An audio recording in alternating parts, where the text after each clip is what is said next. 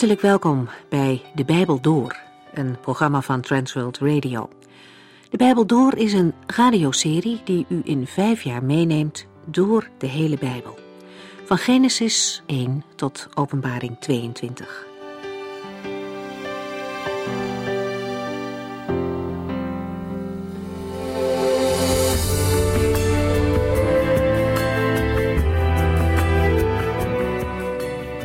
Vandaag gaan we verder in het boek Jezaja. Het is goed om zo'n Bijbelboek eens in zijn geheel door te lezen. De oordeelsprofetie van hoofdstuk 3 was niet mis, maar verder lezend komen we bij hoofdstuk 4, waarin het gevolg wordt beschreven. Gods oordeel is gericht op terugkeer en herstel. Het oordeel is niet het einde. God geeft niet op en vergeeft de schuld volledig. Hoofdstuk 3 ging over slechte leiders en trotse vrouwen die paradeerden in luxe. Er bleef echter niets over van al die sieraden en het wanbestuur leidde tot de ondergang van het land. En dan komt God met iets nieuws. Een schitterend sieraad en een echte leider, de Messias. Hij zal herstel brengen. Genezing voor diegenen die gewond zijn geraakt. De mensen die zijn overgebleven in Juda zullen weer voor de Here gaan leven. Zij onderscheiden zich voortaan niet meer door luxe kleding of door aanzien, maar vallen op vanwege hun heiligheid. De Heere zelf zal voortdurend toezien op zijn volk. Hij zal hen beschermen zoals in vroegere tijden. De vervulling van deze profetie ligt nog voor ons. Vrede in Israël lijkt nog heel ver weg. En hoe het allemaal precies zal lopen weten we niet. De profetieën laten delen zien van wat de Heere zal doen. De contouren worden als het ware geschetst. En die mogen we onderzoeken, zodat we steeds meer uitkijken naar de komst van de Heer Jezus. En daarnaast mogen en moeten we de boodschap van de profeten ter harte nemen. Ten diepste komt die telkens weer neer op de opdracht om heilig voor de Heere te leven in overeenstemming met zijn woord. Jesaja 5 begint met het lied van de wijngaard. De Heere God vergelijkt zijn volk met een wijngaard. Hij deed alles voor die wijngaard, zodat ze kon groeien en vrucht dragen. Hij beschermde haar, hij verzorgde haar, maar uiteindelijk droeg ze zure druiven. En aangrijpend is dan de uitroep van de Heere, wat had ik nog meer kunnen doen dan wat ik al gedaan heb? Je hoort als het ware de pijn en de teleurstelling, waarin zo duidelijk wordt dat Gods volk hem niet zo lief heeft en zo trouw is als hij van hen verwachtte. We lezen nu verder in Jesaja 5.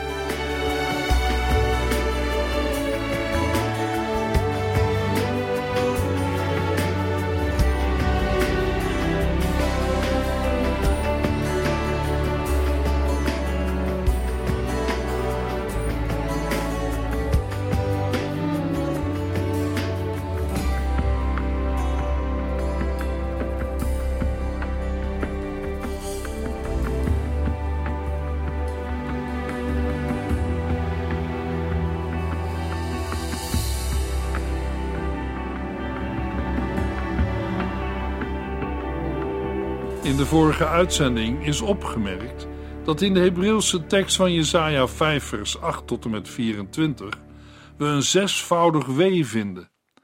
Daarbij worden de rijken aangeklaagd en verschillende misstanden gehekeld. Van s'morgens vroeg tot s avonds laat zijn de rijken bezig zich te bedrinken. In die benevelde toestand is er geen aandacht meer voor het handelen van de Here. In Jesaja 5, vers 8 tot en met 10 lazen we het eerste wee. In vers 8 lazen we: U koopt zoveel huizen en akkers voor uzelf, dat anderen geen plaats hebben om te wonen. Maar de Heere van de hemelse legers heeft uw lot bezegeld. De aanklacht is niet tegen bezit als zodanig, wel tegen vermeerdering van grondbezit, waarbij de gewone burger niet meer in staat is zijn onroerend goed te bezitten, dat al van voorvaderlijke tijden als familie-eigendom is toegewezen. De wet van de Heere bepaalde al dat eens in de zeven jaar, namelijk tijdens het sabbatjaar, schulden moesten worden kwijtgescholden. In het vijftigste jaar moest onroerend goed teruggegeven worden aan de oorspronkelijke eigenaar. Door dergelijke sociale maatregelen worden bezitsconcentraties bij de elite voorkomen en voorkomt ook een arbeidsklasse zonder land. Maar de profeet Jezaja signaleert dat de rijken als enigen het land bezitten. Jezaja heeft de heren van de hemelse legers horen zweren dat huizen verwoest en verlaten zullen worden. Bovendien zal het land niets opbrengen, alle inspanning ten spijt. Jezaja 5 vers 10 Een wijngaard van veertig aren zal nog geen vier liter druivensap opleveren en een grote berg saaigoed zal slechts een kleine hoeveelheid olie opleveren. Het gaat zo slecht dat de oogst slechts een tiende graan zal opleveren van wat er werd gezaaid. Jesaja 5 vers 11 en 12 Wee hun die al vroeg in de morgen sterke drank drinken en deelnemen aan drinkgelagen die tot diep in de nacht doorgaan. Zij zorgen voor prachtige muziek op hun grote feesten de orkesten spelen uitstekend. Maar aan de Heer en wat Hij doet, denken ze niet. In vers 11 wordt het tweede wee verwoord. Het overdadig feesten en fuiven, waarbij allerlei muziekinstrumenten worden gebruikt, kan niet anders dan het geweten afstompen. Dezelfde aanklacht tegen een onverantwoorde levensstijl lezen we in Amos 6. In spreuken 23 wordt het gedrag van een dronkaard beschreven. In die benevelde toestand heeft de mens geen aandacht voor het handelen van de Heer. Deze genoemde activiteiten maken duidelijk dat de rijke bovenlaag van de bevolking wordt bedoeld, die zich een dergelijke levensstijl kunnen permitteren. Jesaja 5 vers 13 Daarom zal ik u in ballingschap sturen, naar een plaats ver van hier, want ik heb veel voor u gedaan maar u beseft dat niet en het kan u ook niet schelen. Uw beroemde en edele mannen zullen verhongeren en het gewone volk zal omkomen van dorst. Daarom zal het volk in ballingschap weggevoerd worden, namelijk vanwege gemis aan begrip en respect. Ook in Amos 6 vers 7 wordt de ballingschap in het vooruitzicht gesteld voor dezelfde zonden. In 722 of 720 voor Christus heeft het Assyrische leger een einde gemaakt aan het noordelijke tien-stammenrijk en de bevolking weggevoerd. Voor Juda werd dit oordeel later uitgevoerd in etappes. Jezaja noemt in Jezaja 39 vers 7 de wegvoering naar Babel. De genoemde dingen horen bij een levensstijl die een volk verlagen en kapot maken. Dat is vandaag nog steeds zo. Daarbij moeten wij vandaag niet alleen aan alcohol denken, maar ook aan drugs en andere bedwelmende en verslavende middelen die mensen gebruiken om het leven aan te kunnen. En luisteraars, laten we eerlijk zijn, dat is ook vandaag niet bij de jongeren begonnen. Welk voorbeeld geven de ouderen? Verslaving verwoest mensen, gezinnen, families en volken. Jesaja 5 vers 14. Het dodenrijk opent zijn keel, spert zijn muil wijd open voor deze kostelijke prooi. De massa wordt opgeslokt, alle feestvierders en dronkaards. In vers 14 wordt een nieuw oordeel ingeleid, namelijk de dood. Het dodenrijk wordt hier voorgesteld als een hongerig monster dat zijn keel wijd open spert om mensen op te slokken en dat zonder onderscheid of zonder kans op ontsnapping. Dit beeld van het dodenrijk vinden we ook in Habakkuk 2 en Deuteronomium 32. Mogelijk kan de beeldspraak ook betrokken worden op de ballingschap. Het is gedaan met het feesten en fuiven. De massa wordt opgeslokt, alle feestvierders en dronkaars. Ze zullen gevangen worden genomen. Ze zullen neergehaald worden in het graf en de dood en de heerlijkheid van het volk zal tot stof veranderen vanwege haar dronkenschap en plezier. Rudyard Kipling was een Britse schrijver en dichter. Hij schreef onder meer The Jungle Book, een fabel over het jongetje dat door wilde dieren wordt opgevoed. Kipling ontving in 1907 als eerste Brit de Nobelprijs voor de literatuur. Hij schrijft in Recessional over de verwording van de maatschappij. Zie, al onze praal van gisteren is gelijk aan Nineveh en Tyrus. Jesaja 5 vers 15 tot en met 17 Op die dag zullen de hoogmoedigen hun ogen neerslaan en de trotsen worden vernederd. Maar de Heere van de hemelse legers wordt boven allen verheven, want Hij alleen is heilig, rechtvaardig en goed. In die dagen zullen schapen tussen de ruïnes grazen en zullen vreemdelingen de puinhopen doorzoeken, op zoek naar iets van hun gading. Het thema uit Jesaja 2 vers 11 tot en met 17, waar gesproken wordt over de dag van de Heere, komt hier in de versen 15 tot en met 17 terug en zorgt voor een thematische samenhang. In Jesaja 2 vers 12 lazen we: Die dag zal de Heere van de hemelse legers alles wat trots en hoogmoedig is vernederen.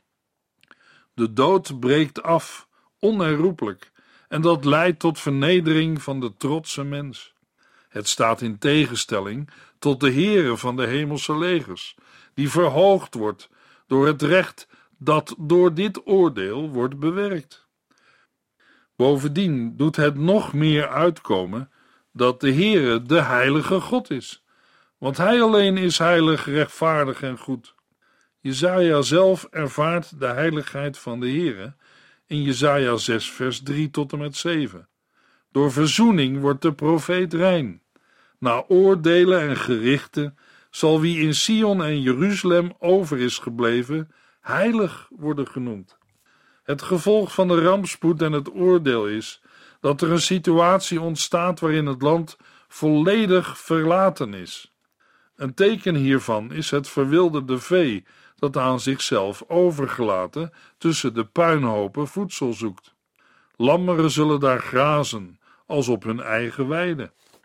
Jesaja 5 vers 18 en 19 Wee hun die met wandaden ongerechtigheid naar zich toetrekken en de zonde achter zich aanslepen, zoals een paard een wagen trekt, die de heiligen van Israël bespotten en uitdagen hen te bestraffen. Maak voort en straf ons, heren, zeggen zij. Laat ons kennis maken met uw oordeel. Het derde wee geldt hen die de ongerechtigheid of straf naar zich toetrekken met koorden van valsheid en de zonde als touwen, zoals een paard een wagen trekt. Het beeld van een dier dat met touwen een kar trekt, drukt de brutaliteit uit van hen die de Heere moedwillig uitdagen. Zij durven het aan om te zeggen dat het raadsbesluit van de heiligen van Israël, namelijk de straf waarmee de profeet Jezaja steeds dreigt, nu eindelijk maar eens moet komen, zodat zij er geloof aan kunnen hechten. Het is een beeld van een volk dat zich schaamteloos overgeeft aan zonden. Ze denken bij zichzelf: God ziet het toch niet, of er is toch geen God die rekenschap vraagt. Luisteraar, de Heer is een God van liefde. Maar als een mens zo ver komt dat hij of zij de Heer uitdaagt en hem moedwillig de rug toekeert, dan is dat het begin van het einde. Als de genadetijd van de Heere vol is, zal zijn oordeel zeker komen. Er zijn te veel voorbeelden in de geschiedenis van de mensheid die dit feit bevestigen. Het volk Israël in de tijd van Jezaja is één van de voorbeelden. Jezaja 5 vers 20 Wee hun die zeggen dat goed slecht is en dat slecht goed is. Dat duisternis licht is en licht duisternis. Dat bitter zoet is en zoet bitter. Vers 20 klaagt het omkeren van de morele waarden aan, zodat goed kwaad wordt genoemd en kwaad goed. Het vierde wee in Jesaja 5. De omkering wordt verduidelijkt door twee tegenstellingen, namelijk licht en duisternis en bitter en zoet. Het volk dat de Heere verlaat, komt tot moreel verval en ellende. In een poging om zichzelf te rechtvaardigen, moet een zondaar eigen zonde wel zien als goed, en wat in de ogen van de Heere goed is, zal hij of zij duiden als slecht. Maar dat is de omgekeerde wereld. Het is een poging om Gods normen te vervangen door menselijke waarden, die Gods normen tegenspreken. Als ieder mens zijn eigen normen en waarden gaat bepalen, is het hek van de dam. Dan geldt het recht van de sterkste en heerst de anarchie. De Heere wil dat voorkomen en geeft zijn woord ten leven. Luistert u en jij naar het woord van de Heere? Of gaat zijn woord het ene oor in en het andere weer uit? Laat ik in dit verband één voorbeeld noemen. Weet jij wat de Heere in zijn woord zegt over het huwelijk? Ja? Maar waarom ben je dan niet getrouwd? Dat is wat de Heere graag wil. Jesaja 5 vers 21 Wee hun die van zichzelf denken dat ze wijs en schrander zijn. Vers 21, het vijfde wee, sluit nauw aan bij het voorgaande. Wie God verlaat en niet meer naar zijn wijsheid luistert, heeft een alternatief nodig, namelijk het vertrouwen op eigen wijsheid. Maar eigen wijsheid leidt noodgedwongen tot zelfverheffing of trots en daarmee tot het veranderen en omkeren van morele waarden. In Spreuken 6, vers 16 en 17 hebben we gelezen: Er zijn veel dingen die de Heere haat, en zeker zeven waarvan hij een afkeer heeft. De eerste die dan wordt genoemd is hoogmoed. Trots was de zonde van de duivel.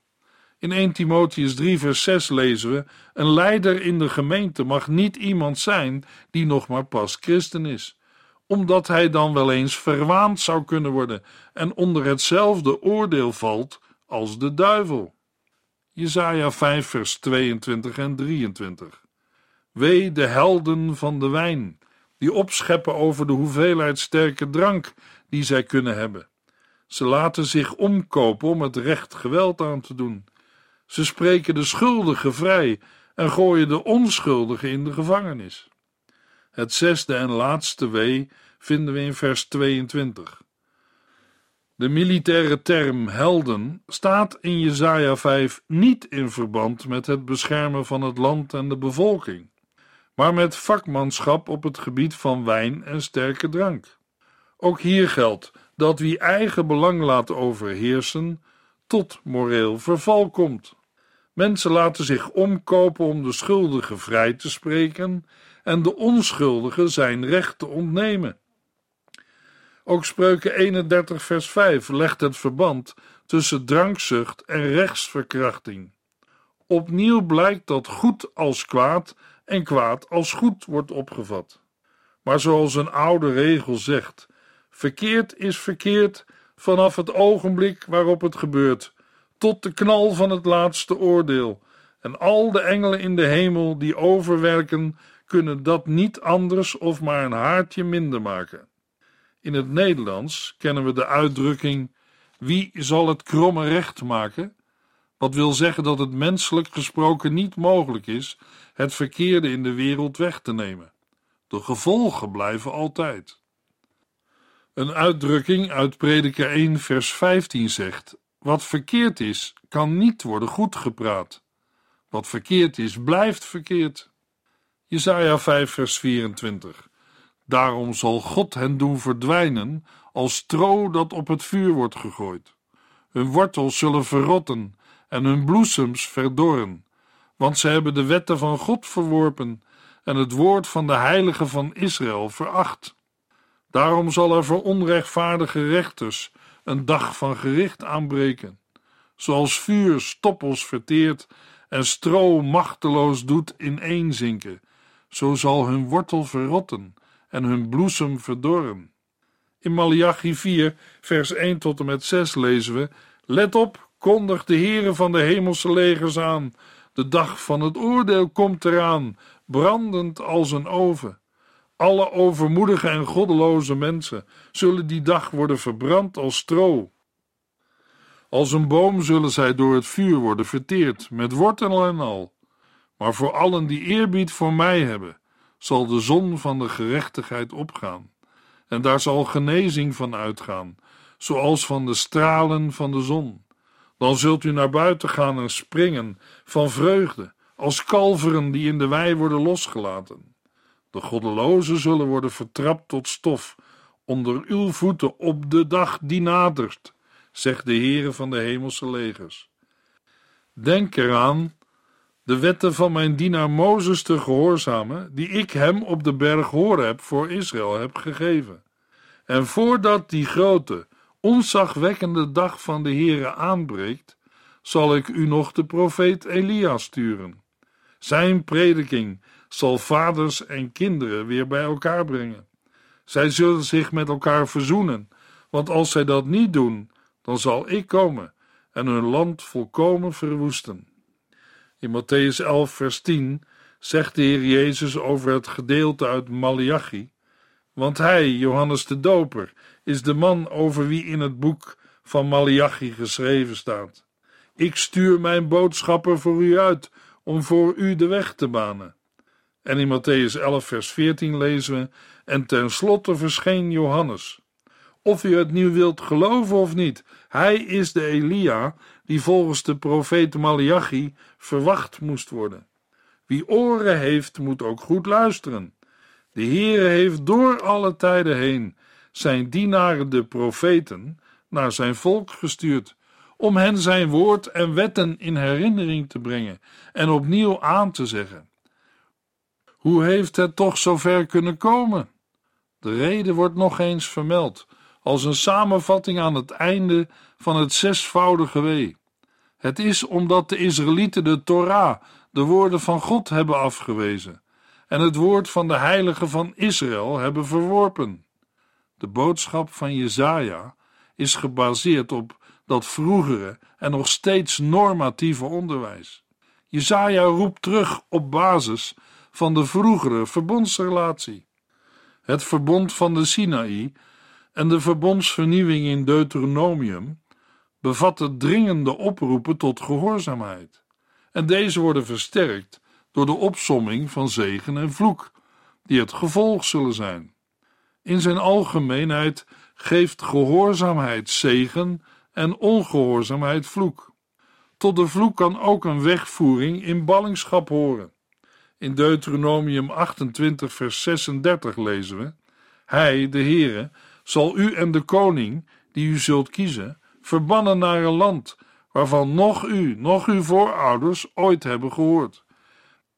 En in uw ballingschap zult u goden van hout en steen aanbidden. Mozes lijkt er tamelijk zeker van dat dit ook een keer zal gebeuren. Toch zal de Heere zijn volk in de ballingschap niet loslaten. Hij zal hen daar tot inkeer brengen. Mozes zegt namens de Heere in Deuteronomium 30, vers 1 tot en met 6. Als al deze dingen over u komen, de zegeningen en vervloekingen die ik heb opgenoemd, zult u tot het juiste inzicht komen, terwijl u onder de volken leeft waarheen de Heer u heeft verdreven. Hij zal u vinden en terugbrengen naar het land van uw voorouders. Hij zal ervoor zorgen dat het u goed gaat, nog meer dan uw voorouders, en u in aantal doen toenemen. Hij zal de harten van u, uw kinderen en uw kleinkinderen reinigen, zodat u weer met hart en ziel van de Heer uw God kunt houden. Zo zal Israël weer tot leven komen. Daarmee wordt duidelijk, op grond van de genoemde passages, dat het verbond sterk voorwaardelijk is. Israël moet rekening houden met de consequenties van de eigen levenshouding. Toch blijkt de trouw van de Heere voort te duren in een tijd van straf. Als Israël in ballingschap is en zich tot de Heere richt, zal hij genadig zijn en zijn volk weer terugbrengen. In plaats van een herhaling van de oude situatie, zal hij zorgen voor een innerlijke vernieuwing van het volk Israël. Deze trouw van God heeft onder meer te maken met het vervullen van zijn beloften aan de aartsvaders. In Deuteronomium 9, vers 5 en 6 staat: Het is echt niet omdat u van die fijne, rechtvaardige en oprechte mensen bent, dat de Heer hen voor u het land uitjaagt.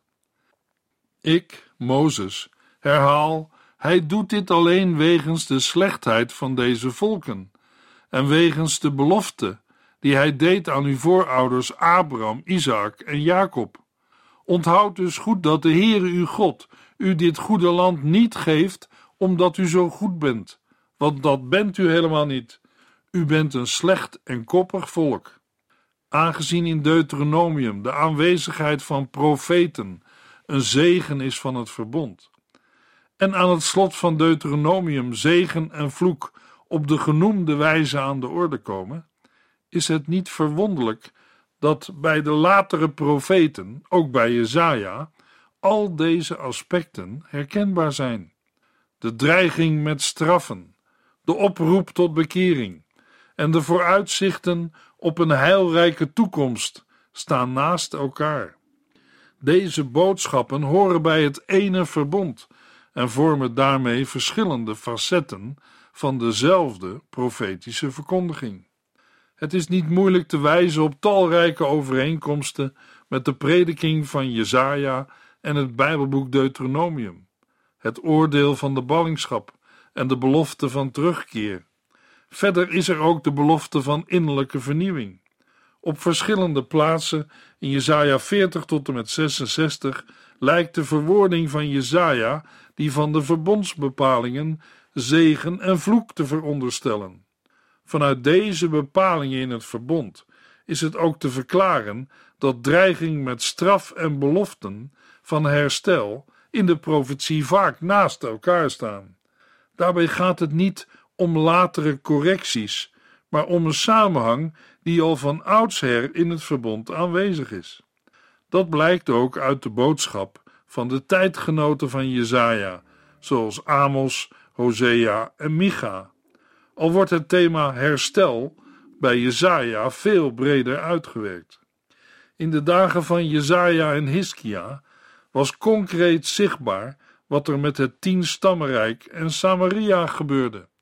De relatie tussen zonde en oordeel werd zichtbaar in de praktijk van het dagelijkse leven, wegvoering in ballingschap. Jezaja voorziet dat Juda hetzelfde lot zal ondergaan als het zich niet bekeert. Maar tegelijkertijd bieden de beloften van Gods verbond ook uitzicht. De ballingschap als gevolg van Israëls ongehoorzaamheid is niet het einde. De verbondsliefde en trouw van de Heere maken dat hij zich weer over het volk zal ontfermen en hen een volkomen herstel zal geven. In de volgende uitzending lezen we in Jesaja 5 vers 25 tot en met 6 vers 2.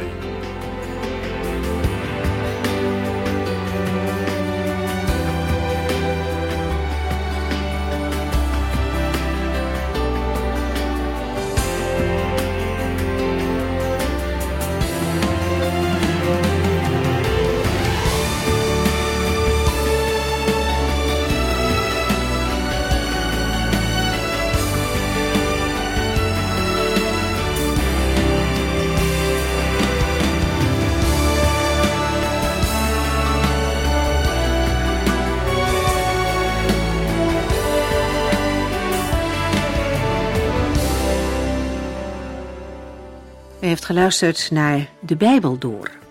In het Nederlands vertaald en bewerkt door Transworld Radio. Een programma waarin we in vijf jaar tijd de hele Bijbel doorgaan. Als u wilt reageren op deze uitzending of u heeft vragen, dan kunt u contact met ons opnemen. Tijdens kantooruren kunt u bellen op 0342 47 8432. 0342 47 8432. 32. Ook kunt u een e-mail sturen naar de Bijbel door transworldradio.nl en natuurlijk kunt u ook via de post ons bereiken. TWR, postbus 371, postcode 3770, AJ in Barneveld. Dit programma werd gepresenteerd door Cor Weda en Ike André. Techniek was in handen van Odin van Woerdekom. En wij allemaal bedanken u voor het luisteren. Graag tot de volgende keer.